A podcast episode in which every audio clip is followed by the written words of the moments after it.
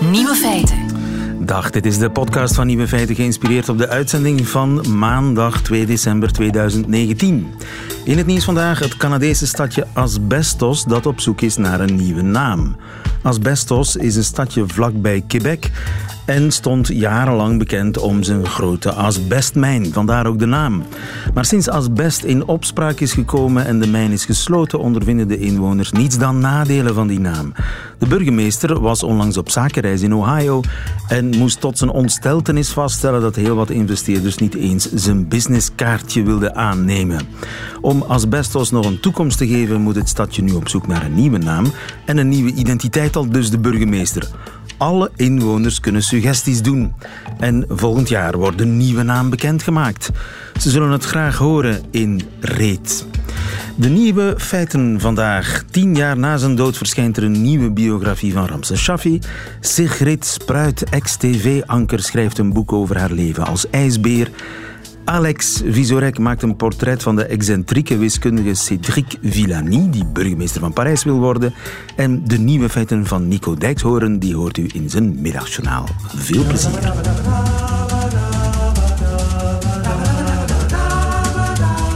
Nieuwe feiten.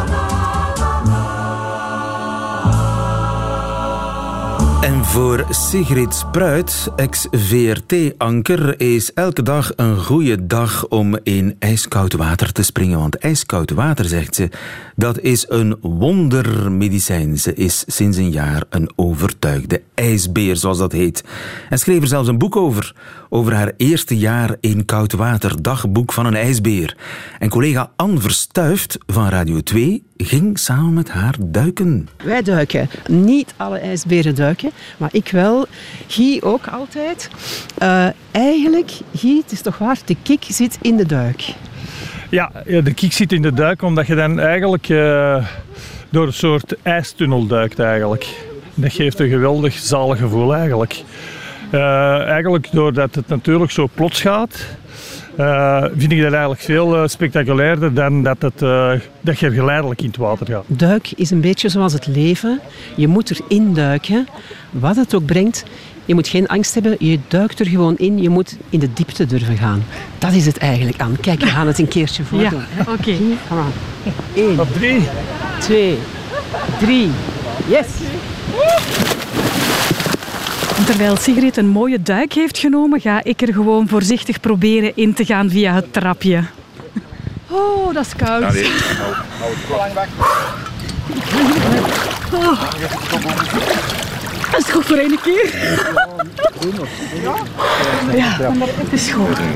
Ik vind het fantastisch hoe Sigrid daar uh, volle baantjes aan het trekken is. Veel mensen beschouwen koud water een beetje als een boeman denken dat het gevaarlijk is of dat het uh, ongezond is. Terwijl het natuurlijk, het is net omgekeerd. Um, wij ijsberen, zeg ik nu, want nu ben ik intussen een ijsbeer in hart en nieren. Uh, weten dat het helemaal zo niet is en dat het geen boeman is, maar net een redder in nood. Door in het koude water te gaan, moet je elke keer opnieuw iets overwinnen. En dat geeft een mentale kick ongelooflijk.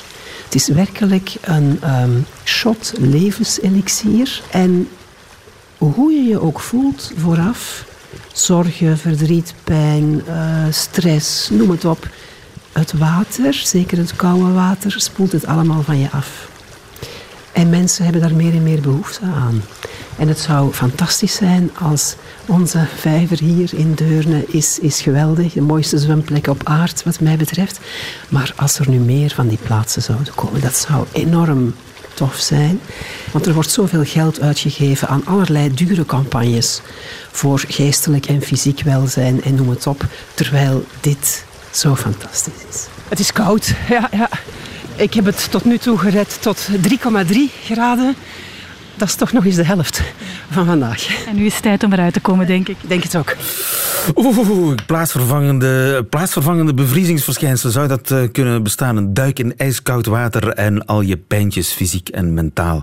Die zijn verdwenen. Een reportage van uh, onze Radio 2-collega Anne Verstuift. Johan Roeikens, goedemiddag. Een goedemiddag.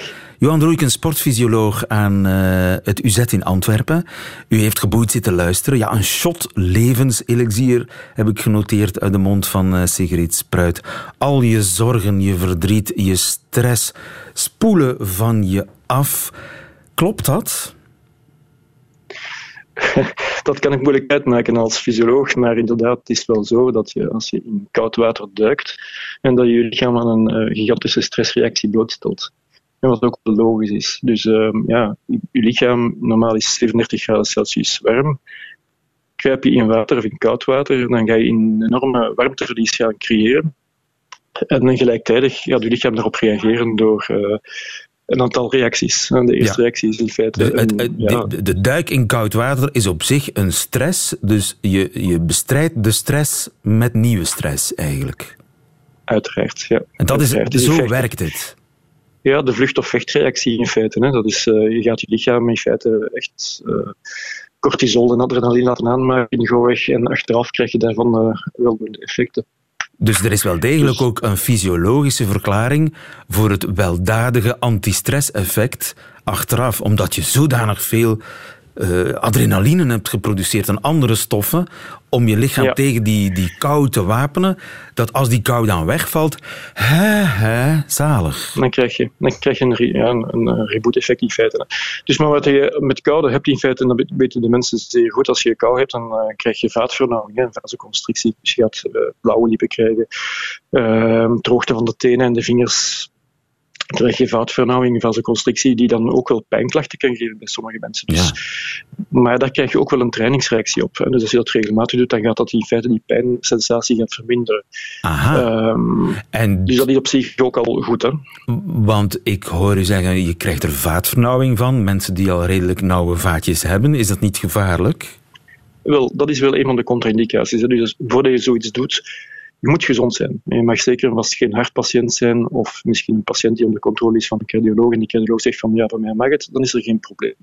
Maar er zomaar aan beginnen zonder enig, uh, allez, zonder een bepaalde fitheid of een bepaalde gezondheid hebt, jongen, dan zou ik het toch even adviseren om ja, eventjes bij de arts langs te gaan, dat er geen contra-indicaties zijn. Ja, maar dat geldt eigenlijk voor alle sportactiviteiten die je van plan bent te doen. Als je niet gezond ja. bent, als je een hartpatiënt bent, moet je, moet je niet zomaar in, in het bos gaan joggen, hè? Nee, maar bewegen mag. Hè. Dus een, dit is in feite een vorm van bewegen. Maar het is wel zo, dat is misschien in de reportage niet aan bod gekomen is, ik denk dat zij op voorhand heel goed moeten opwarmen. Dus uh, op het moment dat je in koud water duikt, gewoon, gaat je lichaamstemperatuur gaan dalen omwille van het contact met koud water. Dus je moet zien dat je een beetje een buffer hebt. En die buffer die ga je gaan creëren doordat je goed opgewarmd uh, aan, in het water duikt. Dat betekent concreet, denk ik, dat de meesten, als ze zo in een club zitten, dat ze 10, 15 minuutjes oefeningen doen om hun gewrichten los te werken, om hun spieren iets wat op te warmen. Doe je dat onvoorbereid, kruip, allez, duik je gewoon in het water. En zoals ik het hoorde, duiken is ook niet direct aan te raden voor beginners. Ja. Dus men gaat eerst uh, gewoon via het trapje het water instappen heel geleidelijk aan en kijken hoe dat je lichaam reageert. Dus uh, mensen die iets ervarener zijn, die kunnen inderdaad wel gaan duiken, omdat je dan in feite nog een veel grotere thermoshock krijgt ja. uh, als je duikt. Echt duiken is meer iets voor ervaren ijsberen. Ik hoorde je ook het woord trainingseffect in de mond nemen. Er is dus wel degelijk sprake van training.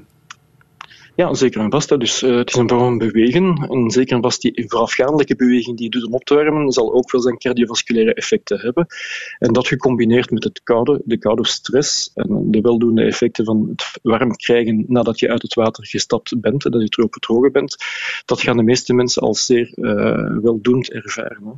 Dus op zich is dat ook een soort, ja, een, een, een destress die je acuut uh, hebt. Dus zoals het effect van na intensief gejogd te ja. hebben, heb je ook zo'n moment van ontspanning. Dat Juist. Is maar krijg je als je, er, als je uh, ijsbeert na ijsbeert na ijsbeert, uh, krijg je dan een soort betere doorbloeding in het ja. algemeen? Wel, je gaat een betere doorbloeding krijgen van de extremiteiten. En dus je gaat ook vooral... Van je vingers, je voeten, je benen. Ja. ja. Je gaat minder snel pijn ervaren. Maar de meeste mensen hebben ja, schrik van kou, of ervaren dat als negatief, omdat je daar wel, ja, die pijnsensatie, dat is niet aangenaam. Hè. Dus uh, winterhanden of wintervoeten, gewoon wintertenen, dat kan je daar een stukje mee uh, gaan, gaan verhelpen. Alleen verhelpen als je daarop goed op reageert. Ik kan niet voor iedereen spreken, gewoon. er zijn bepaalde medische uh, aandoeningen waar je het niet gaat mee comp compenseren. Ja, dus, maar dus mensen die regelmatig Mits gezond zijn, eh, mits, even, mits toestemming van de dokter, zal ik maar zeggen. Want ja, ook astmapatiënten neem ik aan moeten opletten. Ja, inderdaad. Hè. Je kan een acute astma-aanval uitlokken als mensen daar verkeerd op reageren. Dat je dus echt eh, verkeerd, eh, ja, verkeerd begint ademen, te hyperventileren en ongecontroleerd. Dat is natuurlijk niet de reactie die je moet gaan hebben. Ja. Ehm, maar normaal gezien voor iedereen die gezond is en iedereen naar de dokter sturen voordat je begint te ijsberen vind ik een beetje overbodig. Gewoon.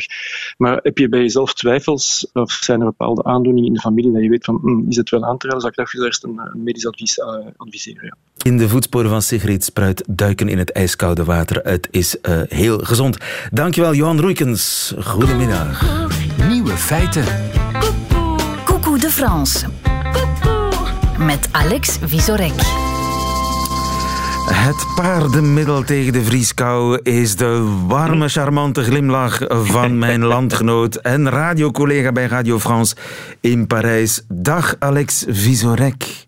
Ja, goeiedag, lieven. Er is een beetje zon hier in Parijs. Eh, laten we vandaag kennis maken met Cédric Villani, die afgelopen week in een kleine mediastorm is terechtgekomen. Als eh, je graag Pythagoras, Thales of Archimedes hebt, ken je hem misschien al. Want Cédric Villani is een wiskundige. Hij is de grootste nog levende Franse wiskundige, want in 2010 heeft hij de Fields-medaille gewonnen. In het wiskunde uh, is het even groot als een Nobelprijs krijgen. Die prijs kreeg hij voor zijn werk over Boltzmann-vergelijking en Landau-demping. Ik hoef jou zeker niet te vertellen waarover dat gaat. Tuurlijk niet. Landau-demping, Boltzmann-vergelijking. Ik- Elke dag ben ik ermee bezig. Een specialist van dat bent u. Een grote brein dus. Maar de Fransen kennen hem vooral omwille van zijn persoonlijkheid en zijn looks. De New Yorker noemde hem ooit de Lady Gaga of French mathematicians. Hij heeft lang haar tot boven de schouders en draagt altijd een ouderwets kostuum met een zakhorloge en een ketting. En vooral geen das of geen strik, maar een lavalière. Een Een soort hals. Ja, dat is een halsdoek dat gedragen werd in de 19e eeuw. Ooit legde hij uit dat hij die look gekozen heeft toen hij nog student was. C'est quand j'avais 20 ans, en gros, que je me suis dit, Cédric, euh, jusqu'ici, tu t'es habillé euh, comme tous les étudiants. Maintenant, c'est le moment de trouver ton identité. Euh, on va faire confiance euh, au hasard pour euh, le découvrir. Hij wilde zijn identiteit ontdekken en vertrouwde op het toeval om eh, die identiteit te ontdekken. En het toeval schonk hem dus die 19e-eeuwse look. ja, in het Frans zeggen we, le hasard fait bien les choses. Maar als je hem ziet, zou je daar wel aan kunnen gaan twijfelen. een heel originele wiskundige dus, maar ook een politicus. Sinds 2017 is hij parlementslid onder de kleuren van La République En Marche, de partij van Emmanuel Macron. En daar stopt het niet. De wiskundige Villani is veranderd van dit V scalaire gradient xf égale Q f. Ici, on reconnaît la variation temporelle de la fonction de distribution f. Dat was de wiskundige. Eh, hij is dit gekomen. C'est pourquoi je vous annonce ce 4 septembre que j'ai décidé d'être candidat à la prochaine élection du maire de Paris. Maire de Paris. Hij wil Ja, burgemeester worden van Parijs. Ja, dat is het. Eh, Op de beelden zie je dat hij zelfs verrast is over zijn eigen enthousiasme. en dan volgt natuurlijk de vraag. Est-ce que vous avez calculé vos chances de réussite Ça se passe pas comme ça dans la vie. Vous savez, si vous calculez trop précisément, vous ne vous lancez pas. Ja, als je te veel rekent, dan begin je er niet aan. Dat is het. Zelfs krijgt hij wel heel wat steun. En de peilingen zijn niet zo slecht als verwacht. Maar zijn persoonlijkheid is misschien een obstakel. Dat zou zelfs president Macron denken. J'ai plusieurs conseillers qui m'ont dit que le président de la République vous trouvez brillant, mais je le cite, trop spécial pour être élu maire de Paris. Qu'est-ce que vous lui répondez, Emmanuel Macron? Je pense que Paris est une ville spéciale et que Le maire de Paris ne peut pas être banal. Ja, de president vond hem een beetje te speciaal om burgemeester te worden van Parijs, maar zijn antwoord is wel, Parijs is ook speciaal. Dat is een goed antwoord, zeker. Veel van zijn tegenstanders proberen hem ook in een slechte daglicht te brengen door geruchten te verspreiden. En in die context was hij deze week in het nieuws. Villani werd geïnterviewd door een journalist in de show Quotidien. En het is niet het antwoord, maar de vraag van de journalist die veel ophef heeft gemaakt. Die gaat over zijn persoonlijkheid. Monsieur Villani, est-ce que vous êtes personnellement concerné par l'autisme Oei, bent u een autist? woorden, meneer, ja, heb jij eigenlijk autisme? Heel wat mensen hebben hun ongenoegen geuit op die frontale vraag. Indigne, onbetamelijk, gênant, onfatsoenlijk. Maar er was één iemand die het niet erg vond, en dat is Cédric Villani zelfs. Hier zijn antwoord. Vous dire, est-ce que moi je suis autiste Oui. Je sais pas. Je me suis jamais fait diagnostiquer. J'ai jamais éprouvé le besoin de me faire diagnostiquer. Et qu'est-ce que ça changerait Wat voor verschil zou dat uitmaken? Ik heb er zelf Ja, ik heb nooit geen probleem mee. Ja, ja, ja. Wat zou het veranderen? Iedereen is verschillend, zegt hij ook een beetje later in zijn antwoord. Dus heel wat mensen, waaronder ook tegenstanders, vonden de vraag heel gênant, maar het antwoord heel mooi. Villani heeft eh, dan later een persbericht gestuurd om te verklaren dat hij helemaal geen probleem had met die vraag. Voor Villani voelt zo'n vraag niet eh, stigmatiserend, want er valt niets te stigmatiseren. En hij wist zelfs op voorhand dat het interview daarover zou gaan. Het was ook voor hem een gelegenheid om het gras onder de voeten te maaien. Zoals hij het zelfs zegt, beter een directe vraag dan een insinuatie en indirecte geruchten die de ronde deden. Zoals je het zegt na een demonstratie in wiskunde. Quod erat demonstratum. Quod erat demonstrandum en eh, benieuwd of die Cédric Villani het zal schoppen tot de volgende burgemeester van Parijs. Hou het voor ons in de de gaten daar. Alex Visorek.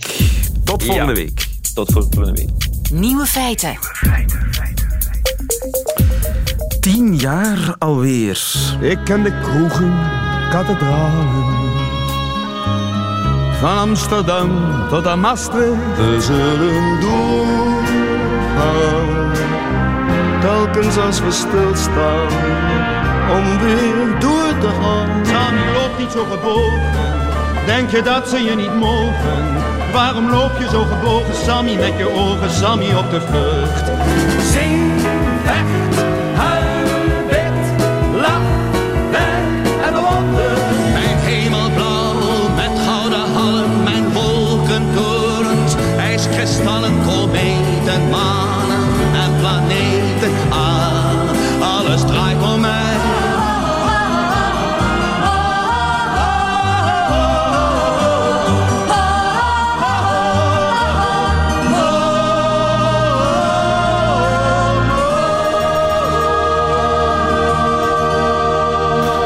is echt ongelooflijk hoeveel liedjes hij regelrecht naar onze collectieve geheugen heeft eh, gezongen. Ramses Shaffi, gisteren tien jaar geleden overleden.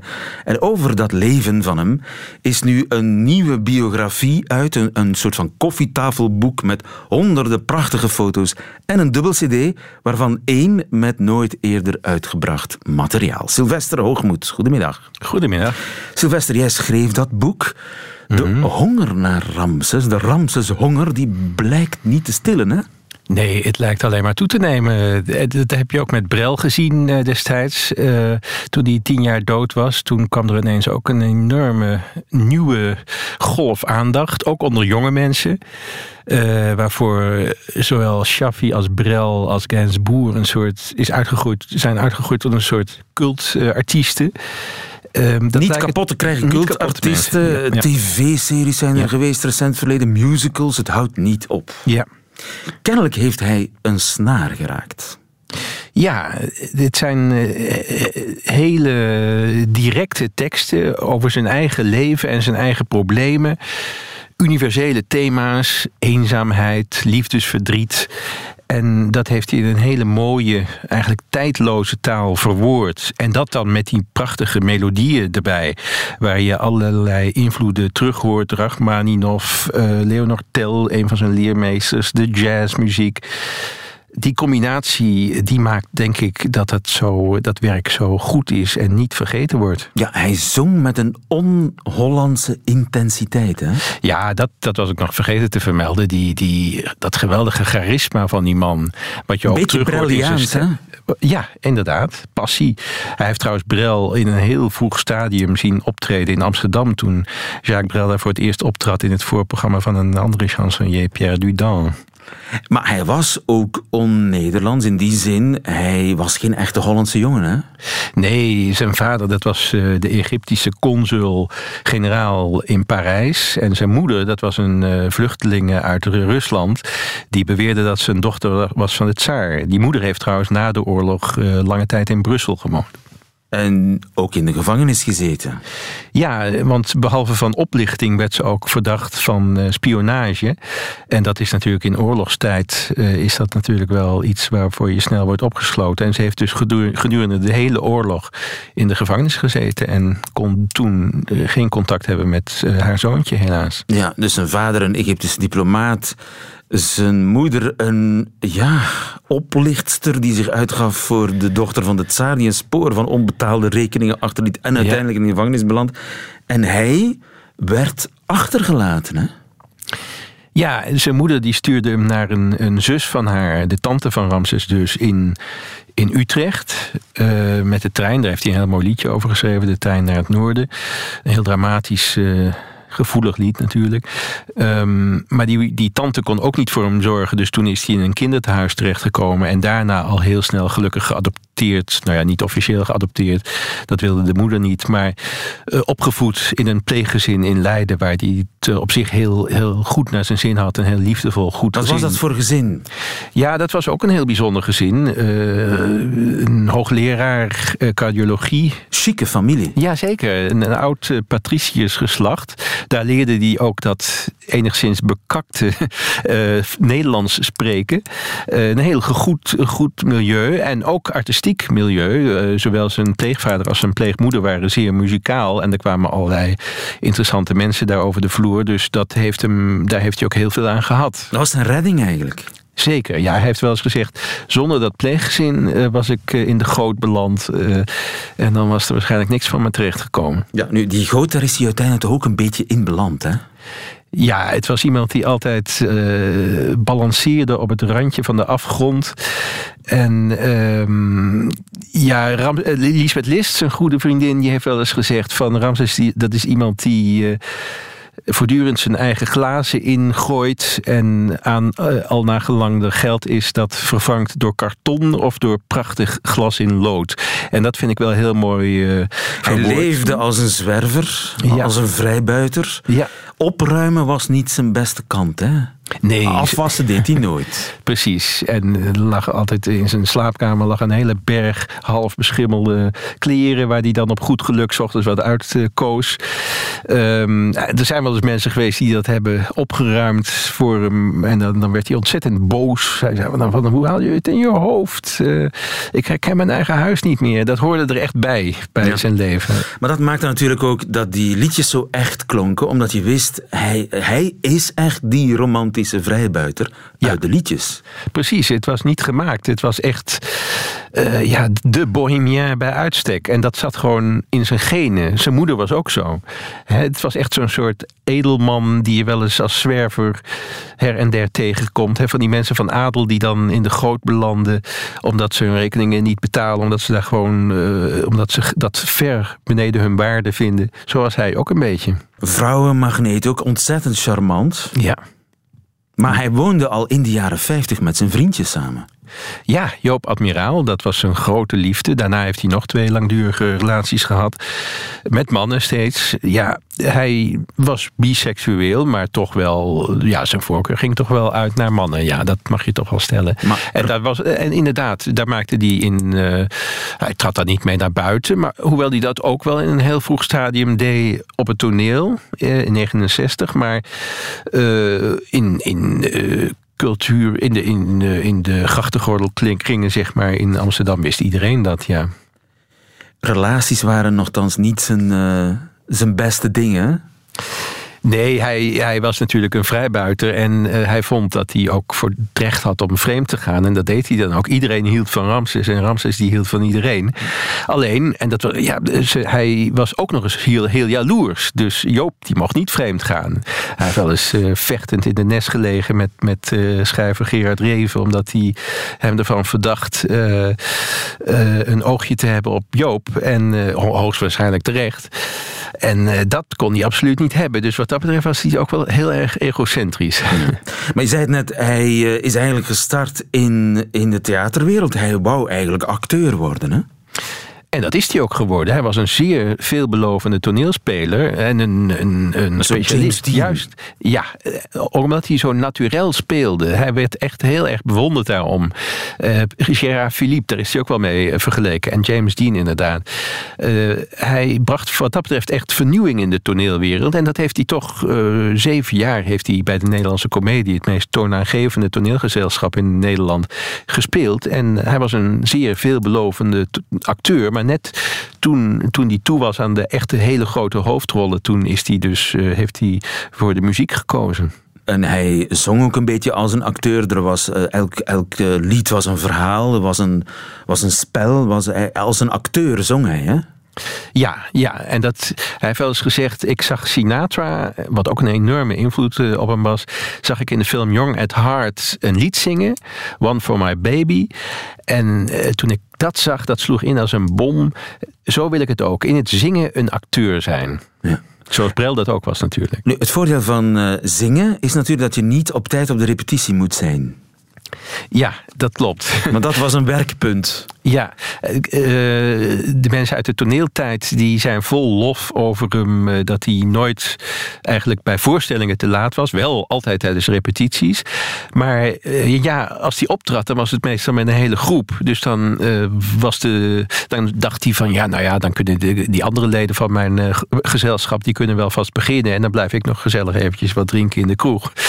En af en toe dan was hij ook wel enigszins aangeschoten op het toneel. Want ja, als hij zijn tekst vergat, dan kon hij, dat was een andere specialiteit van hem, dan kon hij in een soort nep-Nederlands of nep-Russisch, kon hij zingen, waardoor je in eerste instantie dacht van het klinkt, uh, wat, wat, zingt hij nou? Nou, het klinkt net als Nederlands of het klinkt net als Russisch en het waren gewoon niet bestaande woorden dan. Zou je zeggen dat alcoholisme zijn carrière gekraakt heeft? Dat kun je zeggen, maar aan de andere kant Kijk, hij was een alcoholist en hij heeft veel te veel gedronken. En dat heeft hem zeker opgebroken. Aan de andere kant, het was ook wel een medicijn voor hem. Want hij had natuurlijk toch ook, zeker door die moeilijke start... Hè, door die ouders die hem in de steek hadden gelaten... De, uh, en naar Nederland hadden gestuurd had hij ook grote frustraties. En hij had ook lang niet altijd zin om onder de mensen te komen. Die drank, die hielp dan een beetje. Maar hij heeft later ook wel toegegeven dat inderdaad het alcoholisme, met name in de jaren zeventig, dat hem dat ook flink heeft opgebroken. Hij had nogal eens een kwade dronk ook. En dan verstoorde hij voorstellingen van collega's. Waardoor hij zelfs in zijn eigen Shaffi-theater in Amsterdam niet meer welkom was op een gegeven moment. Dus dat, dat is een groot probleem geweest, zeker. Bij dat uh, nieuwe prachtige koffietafelboek zit ook een dubbele cd. Een van die cd's bevat onuitgegeven werk. Waar heb je dat gevonden? Dat heb ik niet gevonden. Dat heeft uh, Piet Tullenaar, een, een, medewerker van uh, Beeld en Geluid... het om, Omroeparchief in Nederland, heeft dat gevonden.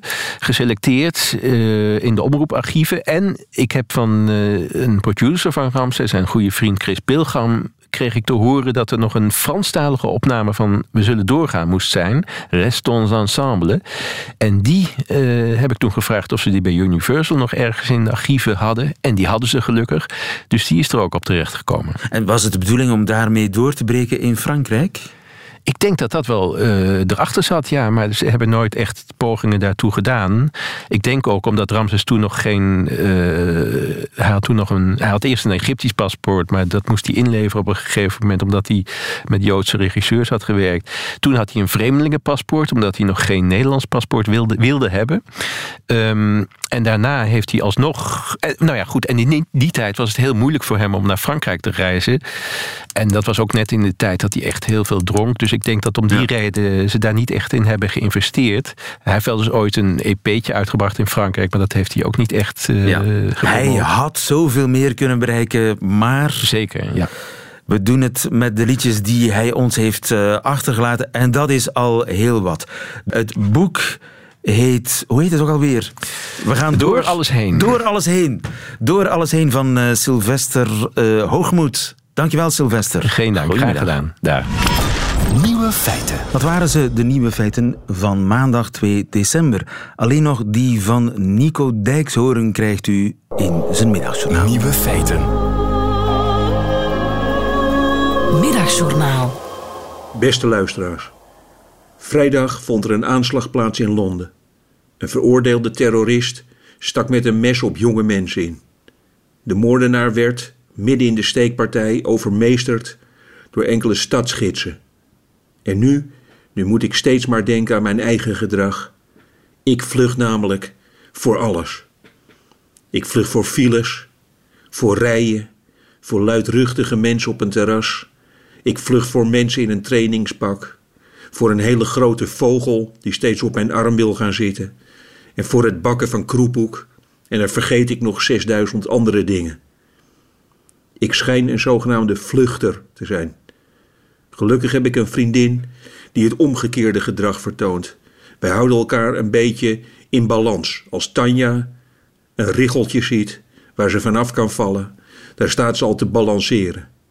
Tot nu toe heb ik het kunnen voorkomen maar zij droomt ervan om ongeoefend met een parachute uit een klein sportvliegtuigje te mogen springen. Tanja loopt op gevaar af en ik hol er heel ver vanaf. Ik herinner mij een verkeersongeval in een klein Grieks dorpje, een jaar of twintig geleden. Ik liep alleen met een watermeloen in mijn armen. Voor de neutrale toeschouwer zag dat er denk ik heel mooi uit, omdat ik heel bang was dat ik de meloen zou laten vallen. Ik til watermeloen alsof het mijn eigen kinderen zijn, alsof ik ze heel langzaam in slaap wieg. Ik ken weinig verdrietiger dingen dan een watermeloen die openbreekt als hij op straat valt. Opeens was er een hoop geraas naast mij, de bekende klap van staal op staal, remmende wielen, en daarna de stilte. Ik keek. Er stond een oude vrouw midden op een kruising en zij keek naar haar hand. Wij ook. Nou ja, wij. Ik niet heel lang. Ik ben het dorp uitgehold met de watermeloen tegen mijn borst. Zo zit ik in elkaar, luisteraars. Als u naast mij een flauwte krijgt, dan verzamel ik snel al het fruit in de kamer en ik hol bij u weg. De man die met 140 km per uur langs rijdt in zijn auto, terwijl u naast de weg staat te zwaaien dat de benzine op is, dat ben ik katten in bomen, ik negeer ze. Die helden in Londen, die boven op een moordenaar gingen liggen, zelfs toen het leek alsof hij een bomvest droeg. Zij zijn alles wat ik niet ben, dapper en onzelfzuchtig. Ik, ik lees stukjes voor, thuis, met de deur op slot.